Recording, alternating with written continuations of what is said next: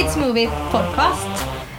Avsnitt tre Ja, just det. Jag tappar bort mig där. Det är trean redan. Ja, nu får vi hoppas att John inte hade rätt där och att tredje avsnittet ska bli skit. För idag har vi ju en ö, jätterolig gäst med oss. Alltså det är så spännande. Ja, det ska bli så kul. Lite nervöst känns det. Ga- ganska Det är jättenervöst jättenervöst. faktiskt. Det är ju nämligen så, ja, alltså vi, du skickade ett meddelande till mig innan eh, vi skulle mötas upp nu. Vad ska man ha på sig? För nu får du att låta så himla Nej men så skrev du. dramatiskt. Och då skriver jag tillbaka, ta något sportigt. Där då får ju du panik. och så ringer du upp, det tog två sekunder. Bara, vad menar du?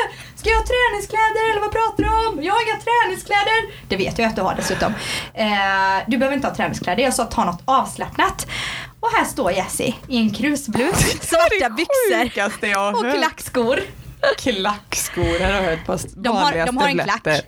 Stövletter också. Jag älskar det. Ja, men, och det är definitivt ingen krusblus. Det är en sån här härlig avslappnad tröja i mesh. Det är, det är något jag hade på mig när jag gick på eh, någon fin fest eller någon begravning eller... Eh, Begravning. nej men alltså det är ju svart och väldigt Den är ju propert. mörkblå. Den är ju... Nej men det ser man inte härifrån. Har du Nej. mörkblå tröja till de svarta byxorna då? Eller är de också mörkblå? Nej, de är svarta. Ja men det, det funkar, det är inget ont om det. Du är jättefin. Ja, nej, om man kände sig nervös innan för den här intervjun, nu känns det ju ännu bättre här i krusblusen. Alltså jag var ju också nervös. Jag har ju stått här utanför och gjort lite Mm. upphopp och snabba starter och liksom för att minska lite Om stressnivån. ska, vi, ska vi släppa vem det är vi ska ha med oss då? Ja! Det kan ju vara kul att veta kanske. Jonas Kolting kommer hit. Ja, jätteroligt blir det att få prata lite Alltså vi om... älskar ju Colting.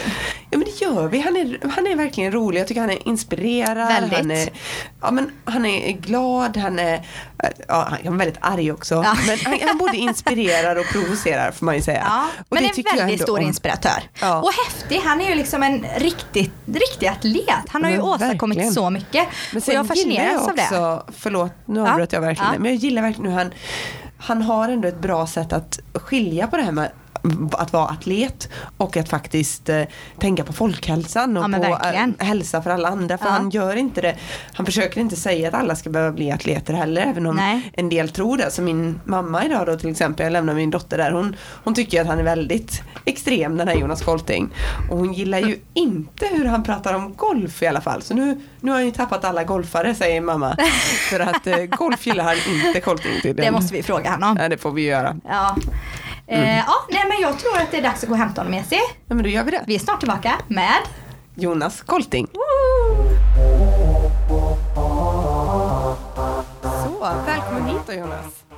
Tack så mycket. Du, på din hemsida så kan man läsa att du är triatlet, författare, föreläsare, entreprenör, hälsoinspiratör och nu är du också pappa. Det Ja. sista la jag till. Ja, jag Det vet. stod inte på hemsidan. Jag har inte, uppdaterat det på Nej. hemsidan. Nej. Det är Det viktigt, det lite- borde du göra. Nej, men jag vet inte om det känns så relevant faktiskt. Jo. Nej, men jag är lite skeptisk till det. Jag vill, liksom inte, jag vill inte använda det som en merit faktiskt. Jag kan använda det som en ursäkt för olika saker. Ja. Men eh, jag tycker inte att det är så mycket av en merit. Jag menar, vem som helst kan faktiskt bli pappa. ja, det är sant. Det är sant. Men i det här sammanhanget så får det vara lite av en merit. För idag är du ju här för att prata om mat och rörelse för barn. Ja, Och Rufus han har Ja. börjat röra sig jättemycket. ja jag han rör sig otroligt mycket. Ja.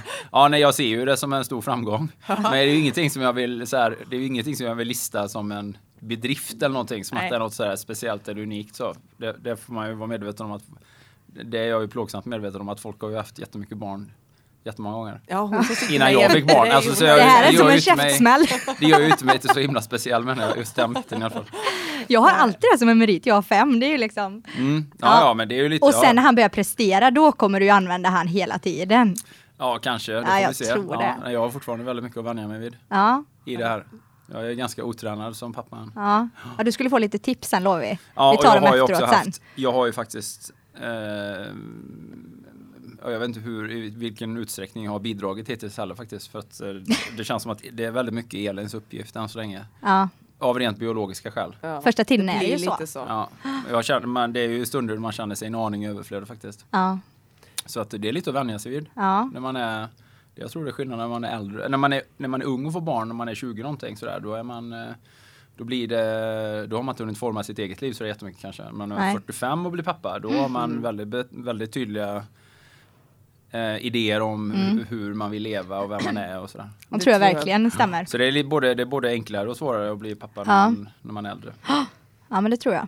Men Jonas, du är ju en atlet som har vunnit både EM och VM-guld i triathlon. Du har gjort uppdrag som nog många skulle anse vara ganska extrema. Du har simmat runt hela Gotland och från Stockholm till Göteborg också va? Ja, precis. Ja. Men så har du också ett, det här brinnande intresset för folkhälsa. Du har debatterat och föreläst om mat och rörelse för oss eh, vanliga människor som jag och Ebbe här då i många år. Mm. Och det, det, vi tycker det är ganska spännande för det är nog många som ser att det är ganska stor skillnad mellan det här prestationsidrotten och folkhälsan. Kan inte du berätta lite om varifrån ditt intresse för folkhälsan eller oss vanliga människor och vår hälsa kommer ifrån?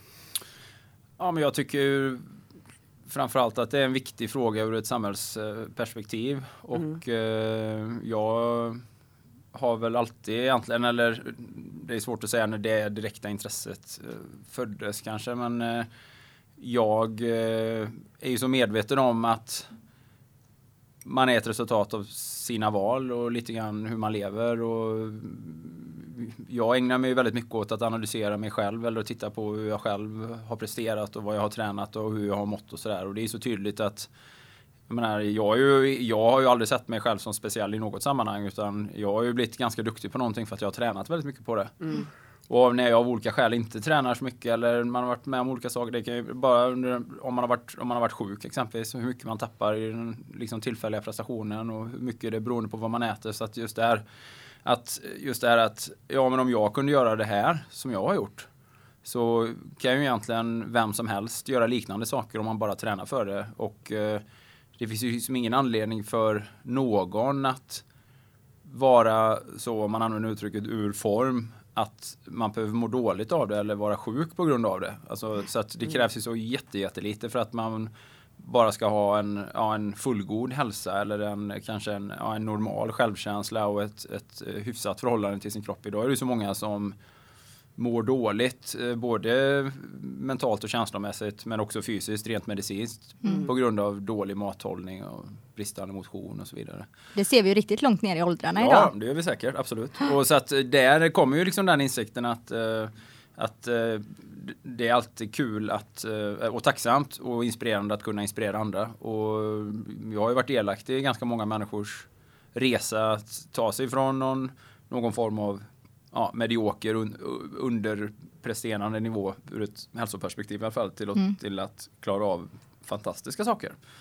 Så att eh, jag tycker det det är ett intresse som eh, föddes, det gick, gick lite parallellt med min egen personliga utveckling.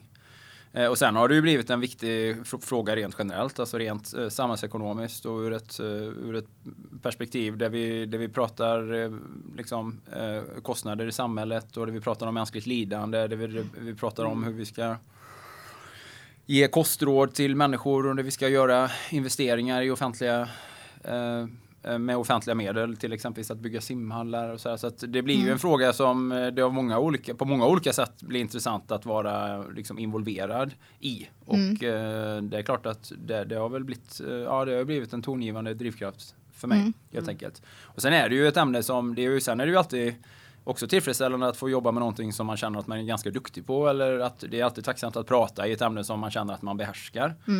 Och det tycker jag att jag gör i de här ämnena. Så att eh, det tillsammans har ju blivit liksom, det har ju det har ju också betytt en hel del naturligtvis då. Jag, känner, jag känner att jag kan det här och jag känner att jag har mycket att bidra med och jag känner att det finns många intressanta referenser och jag själv får en väldigt stor tillfredsställelse av att, av att jobba med det och, och, och de här frågorna. Ja. Och så det har gått, det är nog många olika faktorer och de går hand i hand med varandra. Men vad tror du, alltså om man kollar sig runt idag, det är många som mår dåligt och så som du säger är deprimerade och har en dålig hälsa. Varför ser det ut som det gör?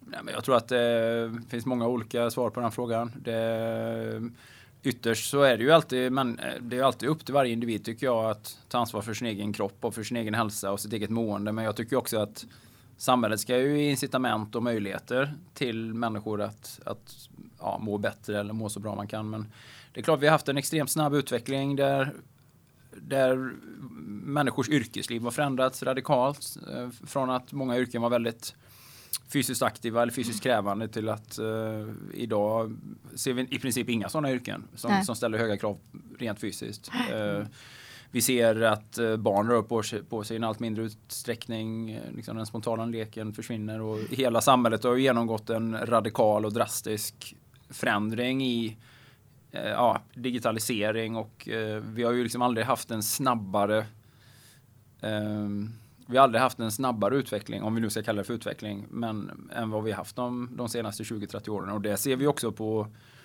våran mat. Mm. Hur, hur mycket så, ny mat vi har som mm. säljs som inte fanns för ja, 30, 40, 50 år sedan. Så jag tror att det finns många olika svar på den frågan. Men mm. det, det, det, bästa svaret är nog att hela världen och samhället har förändrats extremt snabbt. Och många mm. människor har haft svårt att hänga med i svängarna och många har svårt att anpassa sig till till nya vanor och sådär. Hur mm. förhåller man sig till en mobiltelefon som hela tiden är ett incitament för underhållning eller information eller kommunikation? Hur förhåller sig man? Det kan vara svårt som 45-åring när man ändå, är, man ändå det har kommit in mitt i livet. Mm. Det kan måste vara jättesvårt för en ung person som föds in i det, det där blir det naturliga och normala. Ja. Hur förhåller man sig till ett överflöd av uh, billigt socker som säljs överallt och som smakar gott och som är för en del människor väldigt beroendeframkallande. Hur, hur stävjar man det? Hur, mm. hur, uh, uh, hur uh, liksom hur ja, kan man värna du? sig? Nej, jag vet inte, men det är ju så. Det blir upp till varje människa att sätta sig in i de här frågorna eller att ta del av. Hur, jag menar, hur, hur sorterar vi för det första bland all, all information som kommer? Ja. Där, det, där man kan hitta egentligen vilken åsikt som helst om vilket ämne som helst. Precis. Så att det finns ju det, det, finns ju många saker som jag tycker om det liksom när det gäller att hur, hur, viktigt det är att kunna sätta sig in i saker och hur viktigt det är att eh, att kunna sortera, hur viktigt det är att förstå språket exempelvis. Att, mm. Eh, hur viktigt det är att förstå nyanser i språket, hur viktigt det är att lära ut historia, hur viktigt det är att Eh, att ta sig tid att läsa och så vidare. Hur viktigt det är att utveckla kritiskt tänkande. Ja, det finns många mm. saker som, som det landar i så att säga och det skiljer sig väl en hel del mellan barn och vuxna. Eh, det kanske är så att vuxna i allt mindre utsträckning är föräldrar åt sina barn idag. De ska vara mera kompisar med sina barn så mm. det kan vara bristande mm. föräldraskap. Så det blir många olika svar på den frågan. Mm. mm. Men eh, hur mycket, eller vart ligger problemet? Är det hos oss som individer eller ligger det på samhället? ja, men jag tycker ytterst att det är individens ansvar. Jag skulle ja. aldrig vilja leva i ett samhälle som säger så här att det här måste du göra. Eller jag, jag vill ju inte leva i en i en, eh, i en valfrihets eller i en diktatur där vi inte har några val naturligtvis. Nej. Vi tar bort allt socker ur affärerna därför att det visar sig att det är inte bra för oss. Nej. Och vi ska, ja men det hade ju inte jag velat eh, Ja fast så tänker jag ibland, vad mycket bättre hade det varit. Ta Nej, bort Det hade kanske varit enklare men enklare. jag hade inte velat leva den världen. Jag hade Nej. velat köpa lite godis som jag vill ha det. Liksom, ja det, det är ju bara när man går där med sina barn och börjar skrika åt alla håll. Ja, och så här, då, hade det varit så skönt. Ja, absolut. Men eh, det är ju, jag tycker ju ytterst att det är individens ansvar åtminstone. Mm. När vi pratar om myndiga vuxna människor. När mm. det handlar om barn så är det ju naturligtvis föräldrarnas ansvar. Ja. Men sen har ju samhället en stor roll med vad skolan gör och, och, vilka regler de sätter upp och hur de hanterar frågor. Det är ju jätteviktigt hur mm. idrottsrörelsen mm. agerar. Och sen vilka verktyg eh, samhället ger oss. Om det inte finns några motionsytor att motionera på, nej då är det ju svårt för folk att komma ut. Om, inte, om vi inte har några om vi inte har några parker, några simbassänger, några eh, så att säga skattefinansierade eh, områden eller anläggningar, då är det ju, blir ju motion och hälsa en klassfråga och det är ja. det ju redan idag. Så att även där är ju, är ju svaret mer komplext än att bara säga att det är bara individen mm. eller det är mm. bara samhället. Det är ju alltid lite både också. Ja. Men ytterst för vuxna människor så är ju det det, det egna personliga valet är ju heligt i, i våran del av världen så och eh, det tycker jag är helt rätt, så ska det vara. Ja. Men det innebär ju också att, att eh, då får man också ta ansvaret för det. Men också att man har den insikten att Eh, man faktiskt kan välja att välja någonting annat också. Mm. Man är ju liksom inte fast för evigt i en situation som är dålig. Det är så skönt att höra. Nej, man kan man, ju förändra. Man kan ju förändra, just detta att man kan alltid välja att välja. Mm. Ja. Men i, ja Jessie, får jag bara fråga en sak här? I beskrivningen av ditt föreläsningstema, varken kul, roligt eller gott, så pratar du om vår skeva syn på begrepp som vanligt, ovanligt, eh, normalt, onormalt i vår mm. relation till mat och rörelse. Eh, kan du utveckla det? Ja, alltså att uh, den titeln är ju ganska talande så. Den uh, lurar vi lite grann på. Men, uh, och det är ju någonting som jag yttrat vid flera tillfällen då att, mm. att det ska inte vara så himla kul eller det ska inte vara så himla roligt. Eller Nej. inte alltid prata smaka gott och så.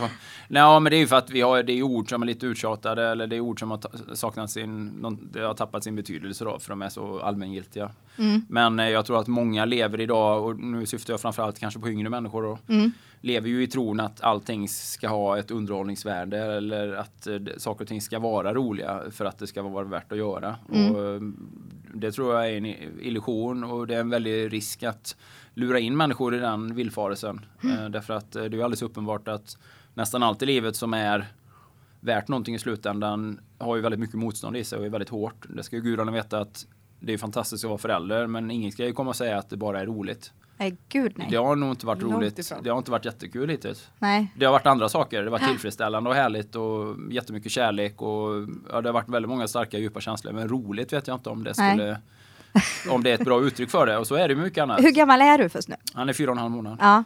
Men, Ja, och men sen det- är det ju inte, man ska, om man ska bryta en dålig vana, gå ut och börja träna, det kanske inte, det är ju inte heller roligt. Utan det är ju ganska hårt, det är jobbigt, det kräver mycket. Ja. Det blir ju tillfredsställande och meningsfullt och du har ett bra sammanhang och det finns massa mervärden och det stärker självkänsla och sådär. Men det är ju inte, kul är det ju inte.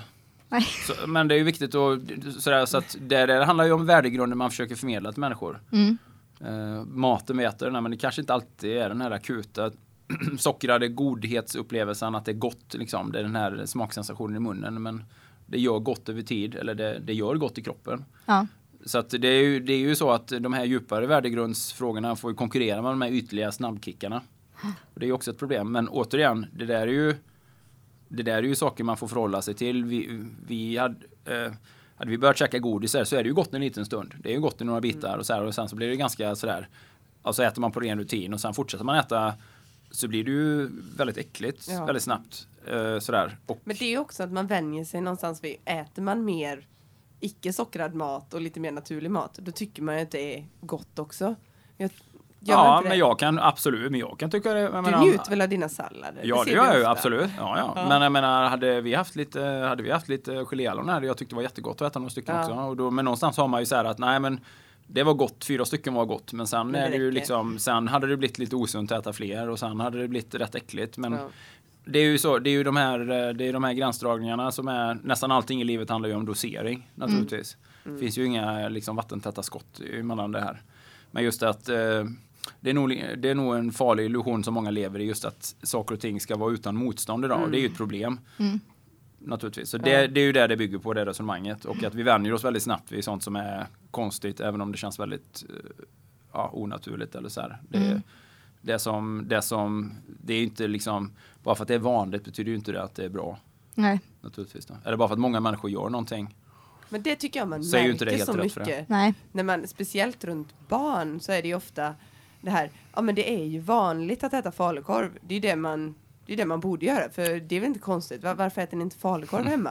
Nej, och det är nog inte det, det, är nog inte det sämsta folk äter. Nej, det är säkert inte. det, lät, det, är låter ju ändå- ganska bra i en relativ jämförelse. Ja. Falukorv.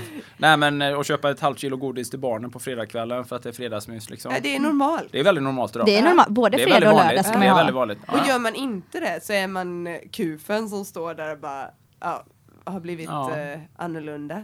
För sånt, sånt tycker vi är lite jobbigt. Vi skulle vilja jobba på att ändra normen. För som det är idag, eh, du pratar ju om att eh, ja, men man får gärna liksom eh, eh, njuta av lite godis ibland och det säger ju inte du nej till liksom. Jag gör Eh, ju det, för, inte för mig personligen i alla fall, för jag, jag har liksom inga problem med det. Men Nej. jag vet ju också att jag, jag vet nivån där jag kan känna att jag vill unna mig lite grann bara för att jag kan ja, men om jag är på en fest någonstans och någon ställer fram lite godis så känner inte jag ett inre tvång att jag måste till varje pris avhålla mig. Jag kan ju Nej. äta några bitar. Ja. För jag har de marginalerna. Vi kan känna att problemet idag det är ju att eh, ja, men när man bara står själv då är det ju enkelt att göra de Mm. valen. Men kring barnen så känns det som vart man än kommer så är det, det är inte bara det här att det blir några lördagsgodisar Nej, utan det är, inte. ja men då går vi och leker hos dem, då serveras fika. Eh, sen går man på kalas och det är inte bara ett kalas per helg, det kanske är både lördag och söndag. Eh, har de ätit godis eh, klockan 12 en lördag, då, det finns ju inget utrymme för mat sen. Nej. Och bara december är ju vidrigt, vart man än går så finns det pepparkakor. Nej men där är det, och jag är inte där än riktigt för jag har ju aldrig levt, jag har ju aldrig haft den situationen där jag måste bestämma över någon annans liv. Så Nej. som jag kommer få göra nu med min son. Men det, där är jag ju bara helt och fullt och fast övertygad om att det gäller att vara förälder.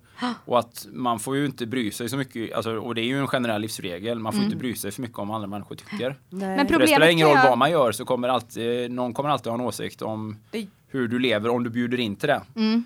Det kan, det nu kanske det kommer vara lite lättare för, för, för mig än för Eh, Du har ju någonstans den imagen så Ja. folk kanske inte ens vill ställa fram godiset framför om, man, om man vet vem jag är så, så men, men jag kan tänka mig att, att mina framtida lekkom, de framtida Ja. lekkompisarna till Rufus kommer ha lite koll på vilka vi är naturligtvis efter Ja. ett tag sådär. Men, Ja. eh, och vi har väl pratat om hur vi ska göra med honom och för hans godisätande och sådär. Och, eller sådär att, eh, och hur man ska moderera det och hela hans Vad tänker ni allting där? med mat. Nej men vi tänker ju att, eh, vi tänker ju att det är klart han ska få äta lite godis ibland. Men Mm. det handlar ju och just att för att godis är ju kanske en sån här liten lördagsgodisgrej. Men då får man sju bitar och så lär man sig uppskatta det och njuta Mm. av det.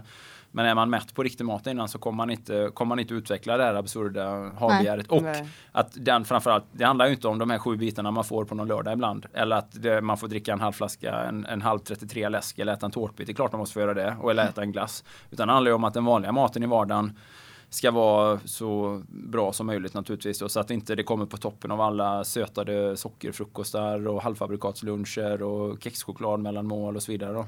Så att, men eh, jag tycker som all, i allmänhet så är det ju bara att äh, man ska inte vara så rädd att göra sig obekväm bland andra människor när det gäller sina egna barn Nej, tror jag. Många, Utan det är ju, gång, många gånger handlar det inte bara om det. För jag kan känna att, eh, ja men jag kan säga när någon ringer så säger de då att ja men vi ses där och då tar vi med fika. Då kan jag ju säga ja men vi tar med lite frukt för att det är ju liksom mellanmålsstund och så kan jag liksom avvärja den fikan. Mm. Men som eh, Jessie, jag vet du många gånger har problem med att eh, Ja men säg att hon vill ha festis och så får alla andra det. Då känner man lite för barnets skull sådär att Det är mer för Ah. barnet än för alla andra. Jag tror ja, inte jag har så stort för det är lättare att stå upp för det själv. Men just för barnet så blir det Ja. så här. ah, och Jessis Maja står det bara, men varför får alla och inte jag? får välja bättre kompisar. Ja det är ju det. Ja men lite så är det faktiskt. För Ja, att jag vet inte vad man umgås man kring det. likasinnade så slipper man ju mycket sånt. Det är klart att det är ju så. Man, får ju, man, man kommer ju aldrig leva i en perfekt värld. Så man får ju vara beredd att kompromissa lite naturligtvis. När man känner att eh, här, blir, här blir kostnaden för stor och tar den här konflikten. Liksom. Mm. Ja. Men eh, jag tror att kanske en, ett bättre exempel hade varit att eh, vara med och påverka hur, eh, ja, hur man gör exempelvis på dagis och förskola med exempelvis födelsedagskalas och sånt där. Hur man Mm. gör i den lokala idrottsföreningen som, som barnet är med i då. Om, om ja, vad man serverar för fika där och hur man ser på dem, den mellanmål och så vidare. Så att Det tror jag man får, ju ha lite, man får ju ha lite sådär känsla för, eh, för dem marginal och jag vet inte hur man kan tänka. Jag har ingen aning om hur man gör som förälder. En, en gång. Jag, du har ingen jag, plan sådär att äter han bara pasta varje dag fem dagar i veckan på förskolan så kommer du springa dit med någon sån här Nej men det kommer jag inte acceptera men jag har ingen, jag har inte ens en, jag har inte ens en, nej för att den idén förefaller mig fullständigt vansinnig att man ens skulle tänka så. Men eh, hela den här idén att man nu ska börja interagera med människor som man liksom inte har en naturlig relation med. Typ att nu går våra barn på samma skola här eller förskola så nu måste vi liksom, nu måste du och jag här som inte känner varandra, nu måste vi prata om vilka mellanmål vi ska ge dem när de kommer hem till varandra. Ja, det blir så här, Det är långt bort just nu. Ja, det förefaller liksom hela den, allt det förefaller lite absurt för Ja. mig. Eller så här, jag har svårt att, jag kan inte relatera till det. Men vi såg ett Instagram-inlägg häromdagen. Då var det någon mamma sådär som jag såg på eh, matsedeln på förskolan att det var eh, typ eh, fiskpinnar idag. Eh, så jag springer ner här eh, för att rädda blodsockernivån och så hade hon typ fyra paket med smör med sig i handen för att rädda barnen. Kommer du bli den pappan tror du? Nej, jag vet inte om jag ska vara helt Du ärlig. skickar Elin. Nej, nej jag, jag, tänker att, jag tänker att man har varit noggrann från början när man har valt vilket dagis barnet ska gå på kanske. Ja, det skulle Det jag finns ett sockerfritt här i Borås. Ja, men jag tänker att man är liksom, jag tänker att man har tänkt till på det innan. Mm. Eh, sådär. Så att, eh, Så det kommer vara kriterierna sen inför. Ja, det, Dagisstart. det, kommer vara, det, kommer, det kommer det nog vara. Men eh, kriterierna får nog också bli att man kan liksom inte nej, man kommer inte kunna påverka varje liten grej. Nej. Trots Nej, allt. så är det Eh. Jag tror säkert att jag fick nog lite fiskpinnar när jag gick på dagis. Så jag blev ändå, jag blev ganska normal ändå när jag växte upp liksom. Så Ja. att jag menar på att man, jag tror att det viktiga är ju att man Eh, ja, men så, så är det ju i alla andra sammanhang också. Liksom att de lägena man själv kan påverka fullt ut, men då ska man ju försöka göra det. Och då kan man göra det. Men sen kommer det komma lägen där det, kom, där det bara blir för svårt att eh, eh, kunna påverka på ett bra sätt utan att det går helt överstyr. Alltså det kan ju inte, det kan inte uppta ens, det får inte uppta hela ens tillvaro. Nej. Därför att jag tror att både föräldrar och barn blir lite neurotiska och stressade av det också. Men Utan lite av lösningen är att vara förälder. Mm. Mycket viktigt, det är vi som bestämmer. Så är det ju absolut. Och sen att alltid ha en, servera helt bra mat hemma Absolut. och så kan man liksom sväva ut på Jag läste ju en andra. väldigt bra artikel idag i Dagens Nyheter på kultursidan. Där en, en författare som heter Andrew Walden som har skrivit en bok om pappaskapet. Liksom. Mhm. Jag har inte läst den än då men han, eh, han kände ju, sig, kände ju sig då i den krönikan som en extremt misslyckad förälder för att han, han, han kan liksom aldrig, barnen lyssnar inte på honom då liksom. Så hade han en, gjorde han en intervju i den krönikan med David Eberhardt då som är psykolog och som är åtta barns, snart nio barns pappa och som pratar just Oj, om det här oj, ska att han ha ett till?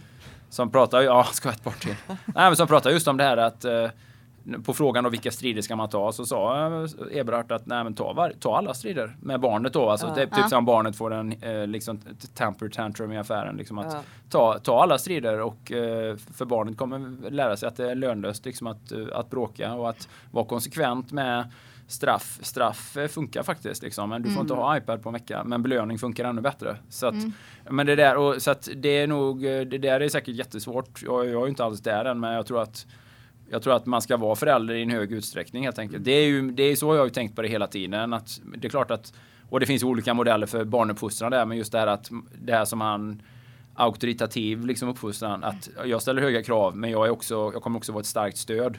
Så att inte så här auktoritär, jag ställer höga krav men det finns inget stöd och sen lite mer släpphänt och just det här att man, man får ju ha liksom en liten idé för hur man ska uppfostra sitt, sitt barn och som jag förstår det så gillar ju barn både genom eh, föräldraskap och i skola. Barn tycker ju om rutiner och barn tycker om gränser och regler och tydlighet. Bra det. det här är vad som gäller.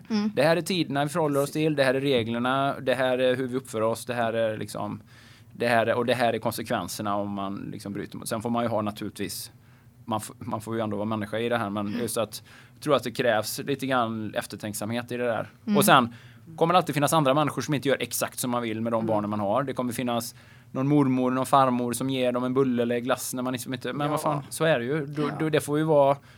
Det vet man ju själv när man var liten hur glad man blev när man fick en liten karamell här och där som man inte hade Grymt, räknat med. ja. Ja, men så är det ju precis. va. Ja, så att man får ju se, man måste ju se helheten. Det tror jag är det viktiga. Mina barn brukar Men- köra med det här när jag, eh, de tycker jag är dum och de inte får vad de vill. Så säger de Åh, du är inte min kompis. Är och inte då säger jag bara, nej men jag är Nej. inte din kompis. Jag är din mamma, jag är inte Ja. din kompis. Nej, nej men, Men, det är nog sen är det ju mycket så här, man har ju så mycket att vinna på som, gud det är lite jobbigt att vi inte ser varandra, vi, vi pratar i mun här kände jag. Men nu, nu, nu kan vi se varandra. Ehm, man har ju sjukt mycket att vinna på när man sitter i din sits där man gör det från första början. Man har ett bra, man lär barnen att få ett bra förhållande till mat från början. Men säg de här familjerna som sitter där ute nu och man känner att ah, men okej, det har kanske blivit lite fel. Kanske vi har käkat lite mycket lördagsgodis och vi har ätit, ja, kanske inte bara falukorv då, men, eh, Ja men typ lever på mackor och lever boy. på macka och boy varje dag. Ja. Vad är ditt råd där? Hur gör man? De här barnen är ju sockerberoende. Hur vänder man det? Hur, Nej men det är ju remake liksom. Det är ju så man får bara börja. börjar man, drar man allt eller vad? Nej men eh, ja, det är ju även där är det ju som i livet i övrigt. Barnen gör ju som föräldrarna gör så att det gäller ju att börja med sig själv. Mm. Alltså, man kan ju inte kräva någonting av barnen om man inte själv kan följa det. Så det handlar ju tror jag först och främst om att förändra sin egen kosthållning. Mm. Jag menar så tänker ju vi hemma. Vi, vi käkar ju väldigt mycket. Nu kanske inte jag, Elin, har exakt samma preferenser. Jag kanske äter lite nyttigare än hon gör i allmänhet. Så, va? Men hon gillar att fika och hon kan äta lite så här. Hon gillar att äta mackor och sånt där. Men, men jag menar, vi äter middag och sånt så vi har ju i regel en stor fräsch grönsallad med alla möjliga grejer på. Det ja, kött eller fisk och vi äter mycket ägg och och, eh, så att vi tänker ju att det kommer bli den naturligaste saken i världen för Rufus att äta samma sak. Ja. Och han har ju, vi har ju, nu har han ju börjat äta lite grejer och vi brukar ju så här, vi är ju lite fågelma, fågelmammor här när vi tuggar maten i munnen och så ger honom då. Ja. När det är så här kött Ja. och fisk och sånt då. Och han, han äter ju allting än så länge. Han har ju ätit, han har ju till och med ätit någon sån här vi hade någon sån här räkor i någon sån här liten het sås med, med lite ris till. Och det tyckte han ju också om då. Om än lite lätt tveksamt då. Men han äter ju avokado. ja, men, ja, kött, kött, kött och ägg och fisk och hela den biten. Nu är vi ju lite försiktiga med gröna blad än så länge. För det ska man tydligen vara då i början. Ja. Men, men eh, så att vi tänker att den här maten han då ser oss äta och själv får smaka på. Det kommer bli ganska självklart för honom att han också testar det. Blir som inga konstigheter. Och det är klart att det blir en jättekontrast om man har käkat hönökaka och boy varje dag. Ja. Så man växte upp och så helt plötsligt så dukas det fram en, en grön sallad med saker man inte ens känner Ja. igen. Det är klart att det, det kanske inte går så bra. Nej. så där får man ju fasa in, bana in och då får man ju Ja, man får ju träna på att vara en bra kock först och så här spicea upp det eller på något, göra på något kul sätt. Och, eh, och ytterst är det ju att man måste äta det själv som förälder och visa Ja. på att man kan ju inte själv sitta och tycka att broccoli är världens äckligaste grej och så ska man försöka få barnen att äta det. Det tror jag inte på. Nej, det är ingen bra idé. Det tror jag inte. Nej. Sen har ju vi börjat med en sån här liten, vi har den här lilla nappen med ett nät i som Mm. vi kan då stoppa frukt och sånt i så att inte han sätter i munnen. Eller sätter i halsen. Ja. Det är ju superhärligt för då kan man liksom så hacka lite apelsin som man får liksom suga på lite Så vänjer han sig. Ja men vid smaken då. Så för nu är ju hela grejen tänker vi att han ska få smaka på så mycket som möjligt Ja. i början. Jag tyckte alltid han var så sölig liksom, så jag orkar inte ta fram Ja, den. ja, ja. Men Det var det, det behöver inte jag berätta till dig. Men det är det ju att ha barn. Det har vi ju fattat. Ja. Det är ju ingenting är ju mer söligt. Nej. Nej, så Hatar att jag menar, söl. Ja, det gör vi också kan Ja. jag tala om för dig. Men Ja. eh, det, det är, eh, nej det är klart det är söligt. Man får ju hämta saker på golvet. Bara på en måltid så är det ju tio gånger. Ja. Men det är ju ändå Men det är härligt. värt det. Ja. Ja. det är klart det är värt det. Så att det är ju kul att sitta och se honom där sitta där och suga på den här na- nappen med apelsin eller hackade jordgubb eller hackat päron, äpple, avokado och Ja. sen så peta till honom liten, liten, en liten fingertopp med tuggat kött från mig då. Och så, så här och se hur han äter allt. Ja. Det är ju ändå härligt. Ja. Sen klart att det blir, det blir ju, jätte, det är ju jättesöligt ja. Ja. Det, och det tänker jag att det kommer bara bli värre. Ja, det Än blir värre det. blir det när han ska hålla grejer själv och kasta runt det tänker vi. Jag tycker fortfarande när jag kollar på golvet så är det värst hos 11-åringen. Det är Mhm, liksom mhm, mest söl där. Ja. Oj, vad har du för ettåring hemma? Nej, det är ju ganska söligt där med. Men. Ja. Ja. Jo, jo men så, så, så är det ju. Liksom, det är ju en ny människa som ska lära sig alla de här bitarna. Men, men just det här att Ja, för, för oss börjar det ju liksom på en gång. Det börjar ju tidigt när han Ja. ska äta någonting. Och nu har ju vi, har ju vi turen att han är en frisk pojke och stark och inga problem. Och, och eh, än så länge han liksom, tycker han om att äta allt det vi äter. Så att det får vi ju bara tacka för. Ja. Men jag tror att och all, no, ingenting är ju någonsin för sent. Man vet ju, jag menar mat, mat, smak för mat förändras ju. Jag tyckte inte om ägg när jag var liten exempelvis. Jag tyckte Nej. inte om kon konsistensen av kokt äggvita. hade jag extremt svårt för. Mm. Och avokado när man är liten tyckte jag inte heller var så här för det smakar ju liksom inte direkt någonting. Man, jag hade liksom inte utvecklat de smaklökarna sådär. Men, men när man bara är enträgen och sådär så tids nog så märker man ju att ja, ägg var ju inte äckligt längre och nu är det bland det bästa jag vet. Man kan nog, hot och mutor funkar nog ganska bra med. Och så Mm. tvinga lite. Jag har en, min 12-åring har levt på mackor en period. Liksom. Han äter ingenting så kräsen och så bott lite så här varannan vecka. Det är ju väldigt svårt att Ja, påverka. ja. Varannan vecka sockrade yoghurtar och varannan vecka kommer han hem och liksom det står det någon kefir där. Eh, han tycker det är vidrigt. Men sen bara kapar vi alla mackor eftersom han bara verkar leva på det. Ja. Så till slut först gick han i en vecka och han såg så här tröttare och tröttare ut och han var så deppig och han skulle flytta och grejer. Men sen till slut en dag så stod han där och gjorde en äggröra på tre ägg. Mm. Då kände jag, ja men nu kanske då jag svälter ungen till vett liksom. Men jag Det tänker ju, ja, men jag tänker ju så här att, eh, ja, ja okej, det är mackor, men då tänker jag så här, det finns ju alltid, det finns ju även, eh, ja, det finns ju även, det finns ju sämre mackor och bättre mackor. Men han finns gillar ju bara de sämre förstås. Ja, ja, ja. men jag tänker att det här är ju liksom så här, man kan uppgradera mackorna och så tänker jag att man kan ha avokado på mackorna, man kan ha Ja. kokt ägg på mackorna. Jag menar, jag menar, det finns ju alltid så här grejer man kan, man, man kan får, testa det. Ja, men man får så här ett steg, steg efter steg. Jag tog ju bort mackorna och så bakade jag eget bröd för Ja. då finns det ju ändå mackor liksom. Men det var ju ingen som åt Nej. eh, ändå. Men man kan ju testa. Eh, ja. Ja, Mm. nej, som sagt, jag, nej, precis, jag har ju ingen erfarenhet av det här så jag, kan, jag har svårt att relatera till det. Men jag kan tänka mig liksom att det Men- blir ju lite, det blir ju lite, man får, det blir ju lite psykologi i det hela naturligtvis. Mm. Men man har ju allt att vinna på att börja tidigt. Det är ju i Ja, alla fall det- bästa. Det Vi har ju stor skillnad. Jag har ju yngre barn än vad Eva har, jag har ju äldre barn. Och jag började tidigt. Och vi ser ju skillnaden i våra barn när vi pratar. Så Mm. min dotter hon äter ju allt som du säger. Hon fick smaka på alla grejer när hon var liten. Och då är det ju inte samma problem. Men det är ju mycket svårare. Men sen kommer ju problemet när de börjar förskolan och träffar kompisar och allt det här. Då Ja. har man ju ändå jag är ju skeptisk till både förskola och skola av flera olika skäl. Så att Det är vi jag med. vet inte riktigt hur man ska ställa sig till det här faktiskt. Nej. Nej, det- du får hålla han hemma för allt helt enkelt. Hemskolning. Nej, inte så. Men eh, just att det verkar vara väldigt mycket sådär. Eh, ja, nej men det verkar vara. Det, det- men man säger så här, det verkar vara då problemen börjar. Ja, Ja. det är verkligen det. För jag hade inga problem innan dess. Nej. Och sen kommer det. De sitter ju där liksom och käkar en vit eh, brödskiva med smör till, eller margarin till mellanmål liksom. Det är det de Men det är svårt, jag har svårt att förstå att det, att, att det ska behöva vara på det sättet. Det är jag, helt jag, jag, liksom inte, jag, jag har inte heller, och jag kan ju vara helt ärlig med att jag har ju verkligen inte satt mig in i det Nej. på allvar än. Nej. När det gäller oss själva, för det är lite fram i tiden än. Ja. Men eh, det kommer jag ju ha svårt att acceptera att det ska Ja. vara så. Mm. Så, men eh, det är tips, sätter in i det och välj någon förskola där man inte, nej men gör det för att det är, det skapar problem som man Ja. inte behöver egentligen. Men vi går nu, När, vidare. det var, när vi pratade lite om eh, rörelse också. Alltså barn rör ju sig knappt längre. Mm. Det är, inte ens hälften av barn rör sig en timme om dagen idag, svenska skolbarn. Vad ska vi hitta på för att få barnen att kom, komma ut och röra på sig? Sporta, idrotta eller ska de... Vad tycker du? Nej, jag tycker det är precis samma med maten. Det handlar om föräldrar som måste föregå med gott exempel. Eller med vara goda föredömen. Eh, är, man, är man själv en person som är ute och rör sig och som tycker det är naturligt att eh, ja, motionera och eller bara vara ute och göra saker. Det kan ju bara vara så enkelt som att man är ute i trädgården och grejer. Eller att man bara tycker om att vara ute i skogen. Vi har ju två hundar så det är ju mycket skogspromenader redan för Rufus. Eh, med Elin framförallt då. Och, eh, så det blir också en väldigt naturlig, liksom, det, det kommer vara det mest självklara i världen för honom när han växer upp. Så att, det behöver inte vara idrott, det behöver liksom inte vara sport så, Nej. utan, men mer motion. Och att, så att, ja, jag tror att det är också oerhört mycket upp till föräldrarna. Faktiskt. Så det börjar också med att du, man kan inte sitta där framför tvn och sen säga till sina barn att de ska vara fysiskt aktiva om man liksom inte är det själv. Så Nej, men för ibland Ja. känns det som att de föräldrarna åker till gymmet för att träna ett tufft pass och så sitter barnen jämte med en iPad. Det känns ju Mm, Ja. väldigt så här. Eh, ja, precis, precis. inte så jätte. De kanske så småningom vill barnen också börja på gym. Jag vet inte, men eh, Men jag tror också att jag läste någonstans om att eh, den här trygghetsradien eh, där, man, där föräldrar är trygga med att barn är inom har kry- krympit jättemycket. Nu, så här, if, jag vet inte vilken ålder det var men det var väl 8-9 år kanske, att, eh, eller kanske ännu äldre.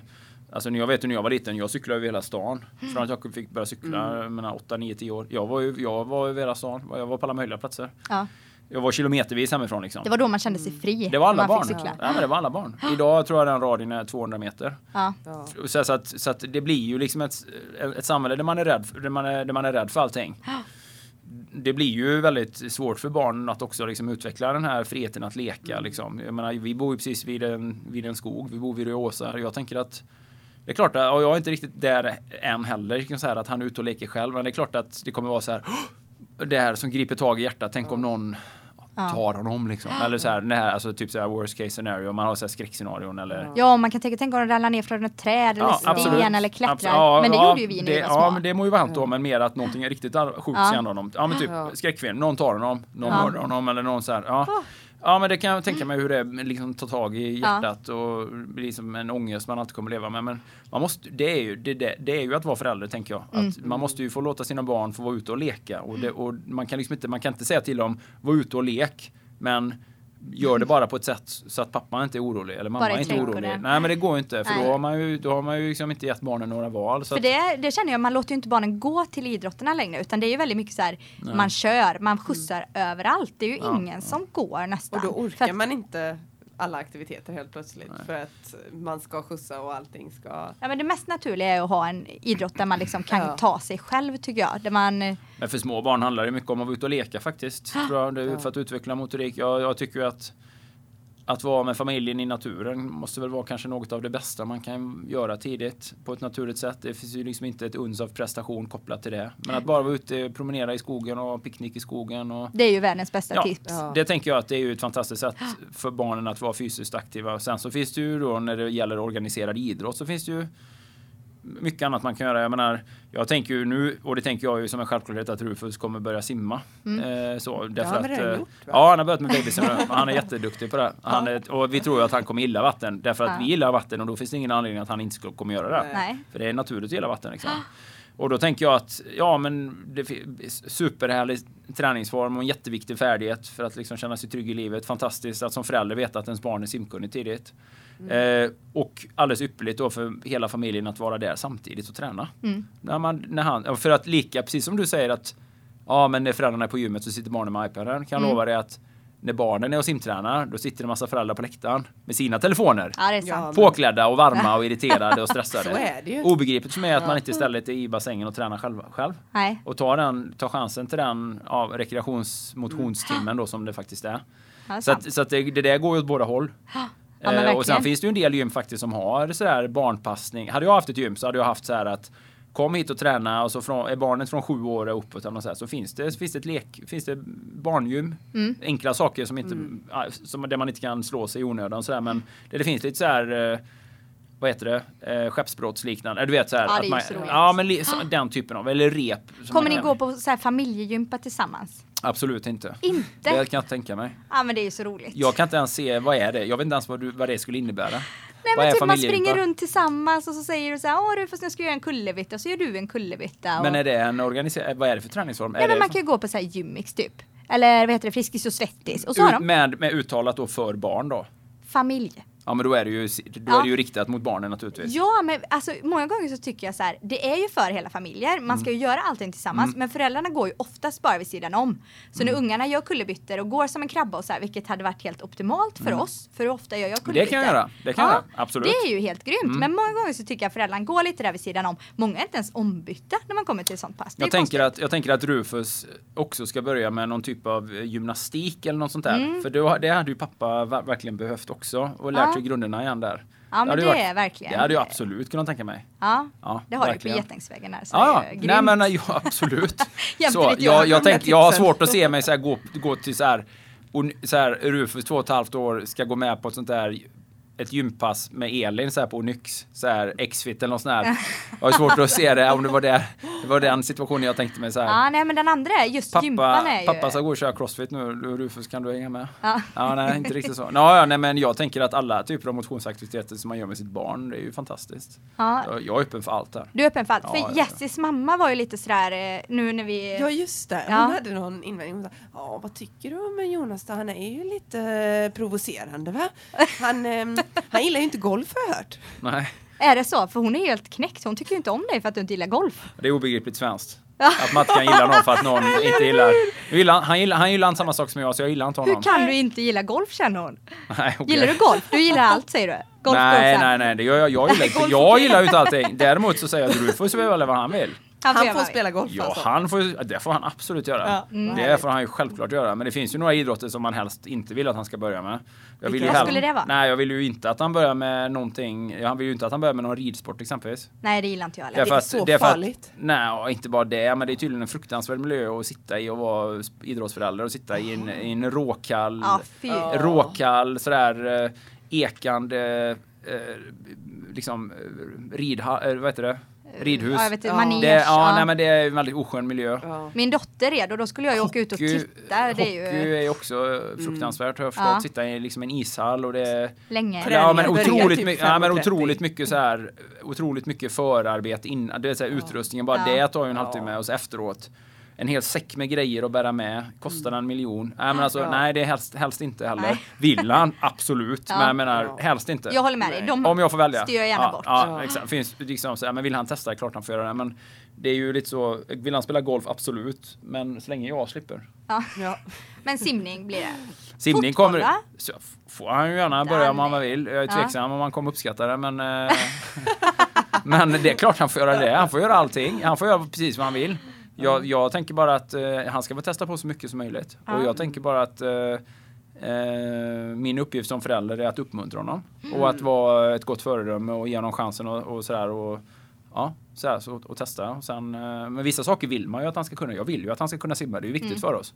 Sen får han välja om han vill träna det för att tävla i det. Men det är ju det första vi ska lära honom. För då vet vi att då har han en färdighet som kommer sitta i livet ut. Men- och sen vill man ju ge honom vissa, vissa träningsformer för att det kommer hjälpa honom att utveckla sig motoriskt. Och, Mm. och sen tycker jag om idrotter där pojkar och flickor tränar tillsammans exempelvis. Ja. Det gör man ju i simning, får man ett väldigt naturligt förhållande. Jag tycker inte om den här jag, jag är ju inte förtjust i den här ja, killar för sig, tjej för sig, eh, omklädningsrumsjargong. Mm. Jag gillar ju det här avdramatisera tidigt. Ja.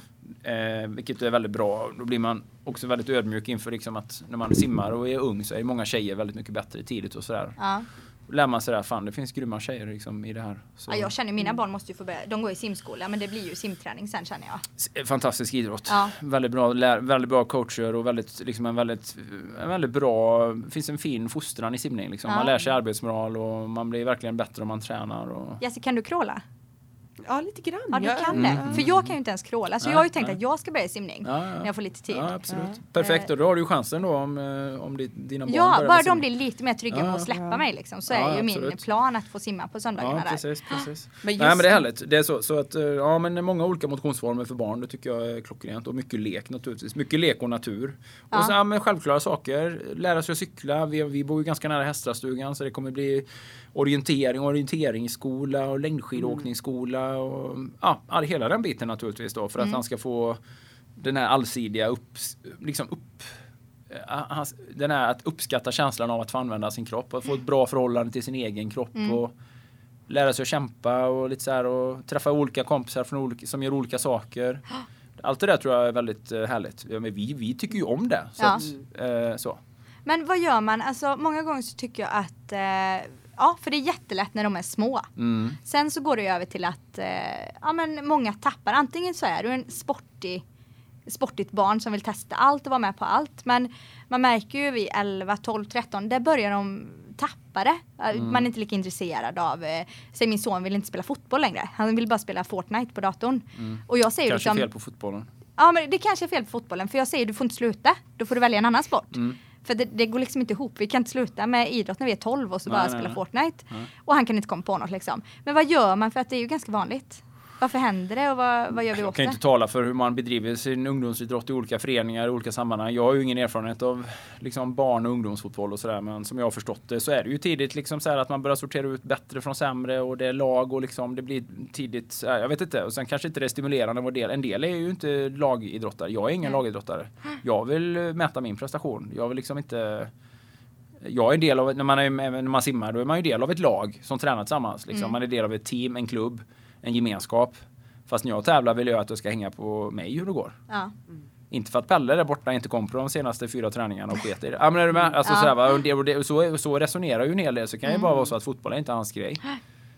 Nej, vi får testa Testa fler Så, så, att, så att det där handlar ju bara om att öppna dörren till något annat Ja. fysiskt som utmanar honom För jag tycker liksom överlag att, att barn eller ungdomar, de, ja, men de liksom tappar intresset. Det är så mycket annat som spelar in och det är så svårt som förälder att, att styra det liksom. Mm. Så är det säkert och det är säkert mycket som lockar idag med digitala, alltså digital underhållning och det här och gamea och sådär. Det som kids håller på med. Mm. Ja, det är Du absolut. har inget men, svar? Nej, jag har inget svar på det. Jag vet inte. Det handlar väl återigen bara om att visa ett mer attraktivt alternativ. Mm. Och att det finns, jag tycker ju det finns alltid utrymme för båda sakerna. Ja, för min del, det är ju inte så att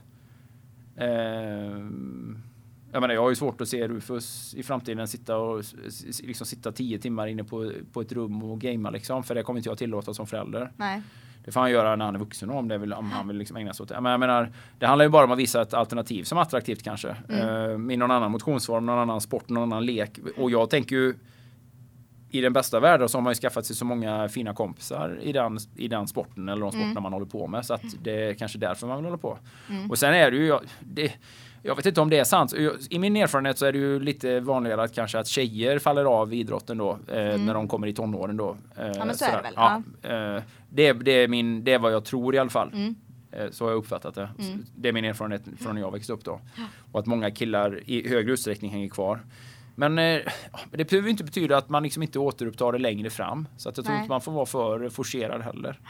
Och liksom tillåta barn och ungdomar att jag tror intressen kommer och går. Nu låter jag ju som jag är uppfostringsexpert, men det vet jag inte. Men jag har ju tänkt på detta mycket från att jag själv växte upp då. Men jag tror, och jag ser ju många som kanske motionerar och tränar när de var små eller unga, Ja. tonåringar. Sen så slutar man under ganska många år. Men sen vid någon tidpunkt längre fram så tog man upp saker och ting igen. Ja men och så började tror träna. jag det. Ja. Är du uppvuxen med det och liksom har fått lära dig vad rörelseglädje glädje är Mm. och eh, känna hur härligt det är att använda kroppen så tror jag ju att man tar upp det senare. Men jag tänker ju att också att jag tänker ju att är man som förälder delaktig i det och gör så här, tränar med barnen, man har lite trän några träning, även om då, även om Rufus bara skulle simma så tänker jag att jag hade tagit med honom ut och sprungit några gånger i veckan också. Mm. Så här, bara på skoj, ut och Ja. springa i skogen, springa en kapp med pappa. Du vet, eller något sånt där då. Och att det är liksom blivit ett naturligt inslag i det också. Och, då har, kanske man, ja men simningen är inte kul, jag vill inte fortsätta. Nej, nej, men då har man ändå kvar den andra biten. Ja. Så att eh, jag vet inte, man får väl vara lite flexibel där kanske och Ja. lite känna på det. Eh, jag har ingen aning om hur man, ja, det finns ju inga bra konkreta svar som passar alla liksom. Men, Nej. men eh, jag tror att föräldrarna under alla omständigheter är väldigt viktiga och att, och att idrottsföreningar också är jätteviktiga. Och det finns, vi har ju en fantastisk idrottsrörelse med många superduktiga ledare och många eh, otroliga föreningar. Jag menar, det, det är ju, det är ju Ja, de är ju ovärd, ovärderliga liksom i den uppgiften de har faktiskt för att Verkligen. för, för barn och ungdomar. Så att, eh, och eh, ju fler så att säga, föreningar man kan vara lite engagerad i eller ha sina barn i, eller in- får inte vara för många, men, men då är ju chansen ganska stor att det finns någonting de fastnar för på riktigt och vill stanna kvar i. Mm. Mm. Ja men så är det. Ja, då jag du- ser... Ja. Nej, jag tänkte bara fråga Jonas om han har något eh, slutord han vill skicka med oss eller alla Till alla där ute. Kämpa på. Något slutord? nej, jag, nej, jag vet inte vad det ska vara mer än att, mer än att Var föräldrar. Nå, men liksom den här uppgiften att vara Nej men jag skulle bara säga att det är nog en kamp. Det här är ju liksom en kamp att vara förälder och driva familj oavsett vad man är. Det är ju inte så att eh, ja, men jag har ju verkligen inga svar. Ni är ju hundra gånger mer erfaren än vad jag är. Ja, inte Jag vet ju, jag vet ju hur jag kan uh, hyfsat leva mitt liv på ett väldigt bra, på ett ganska bra sätt liksom. Men eh, alla vet ju att, ja ja, och när man bara har sig själv att tänka på, då är det ju mycket enklare. Bara att vara i en relation med en annan människa i sig är ju svårt, svårare. I allt vad det innebär liksom. Och sen när man får ett barn som man har ansvar för dessutom, då är det ännu, en ännu större ekvation. Mm. Så att eh, jag är liksom, jag är väldigt ödmjuk inför de utmaningar som människor har inför liksom, i sitt liv helt enkelt. För det, är, det är mycket att fixa med liksom, och det är, det är en, en del uppförsbacke och det lättaste som finns är ju bara att ge upp lite grann och skita i saker och ting. Och det måste man ju få göra ibland. Mm. Och så länge man liksom har en, eh, tror jag, eh, någonstans etablerat en Ja, en hygglig värdegrund för hur man, hur man vill idealiskt att det ska vara och Ja. att man liksom ändå för det mesta gör sitt bästa. Det tror jag, det tror jag är viktigt. Så att, eh, eh, jag tror att det farligaste som finns är att man alltid har dåligt samvete för det man inte hinner eller klarar. Mm. Och är man lite prestationsinriktad så, så har man mycket dåligt samvete. Jag, har, jag har redan mycket dåligt samvete. Så, och inte minst gentemot eh, eh, Elin då, som får dra ett tungt lass nu. Liksom. Men, Ja. Eh, det kom, ja, Du får ta ikapp sen bara. Nej, men ta ikapp och ta det, Jag menar, så är det ju liksom. Man, det, men det, man, man är bara en människa och dygnet är bara, har, har, bara, har 24 timmar. Man kommer aldrig kunna göra alla sina människor i sin omgivning nöjda hela tiden, ständigt och jämt. Om man ska Nej. göra sig själv nöjd och klara uppfylla sina egna behov och uppfylla andras behov. Den, den ekvationen går inte ihop helt enkelt. Nej. Så att det är ju ändå någonstans så som många människor som är lite direkta säger att ja, jag, typ, jag kommer först. För om inte jag kommer först och jag mår bra så kommer inte jag på sikt vara bra för någon annan. Nej. Så att jag måste sköta, jag måste få sova, jag måste sköta min mat, jag måste få träna Mm. och kunna prestera hyfsat på topp. Då kommer jag vara jävligt bra för andra människor också. Så att det är lite grann så jag tror att många sätter sig själva för mycket i andra hand på ett negativt sätt. Mm. Man ska pilla i varje liten detalj och överarbeta saker och, det, och, det, det, och alla får betala priset i slutändan. Så jag tror att man ska inte vara lite rädd för att vara sådär lite sunt egoistisk också. Emellanåt faktiskt. Eh, därför att, därför att eh, jag tror absolut inte barnen mår dåligt av det. För att är man en, har man, är, man en förälder med, som har lite mer energi och lite mer ork och lite så här ja, lite mer go och så, då är man en mycket bättre förälder i längden. Så att man, det tror jag att det är lite sund egoism och inte låta, inte låta det här dåliga samvetet ta över för mycket. Alla Nej. mot, ibland blir det falukorv. Ja, fan, okej, det var det som, idag blev det så.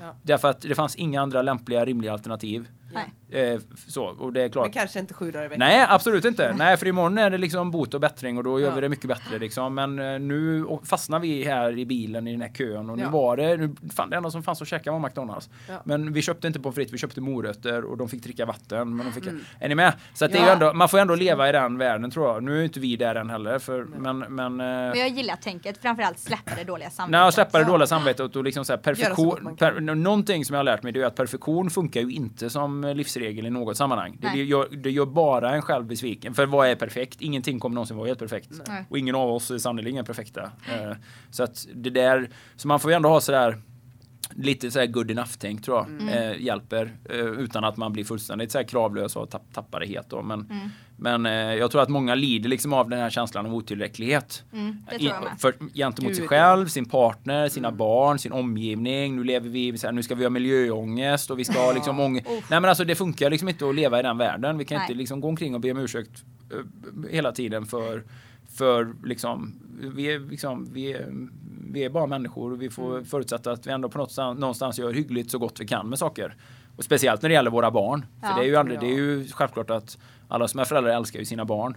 Men ibland liksom räcker kanske inte orken till. Men det kan ju vara för att man inte har tagit- hand om sig själv tillräckligt. tror jag det är många gånger. Så ja, mitt tips i allmänhet är ju alltid att börja smått, liksom börja med små saker.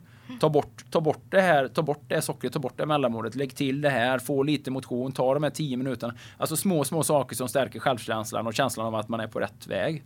Så börjar man i den andra liksom. Och, och så ser man de här plussen som man har och de här eh, vad ska man säga, de här vinsterna man har. Mm. Inte bara det här som man inte lyckas hela tiden och, så- och mäta sig med någon jävla Och Instagram-profil. gör man de små förändringarna Ja. så märker man ju ganska snabbt vinsterna. Absolut, och inte minst i, liksom i, i tron på sig själv som förälder och människa. Men man kan inte hålla på och mäta sig med människor som är ouppnåeliga. Alltså det som man ser på Instagram, på sociala medier, det är bara, det är bara bullshit ändå. Det är bara illusioner.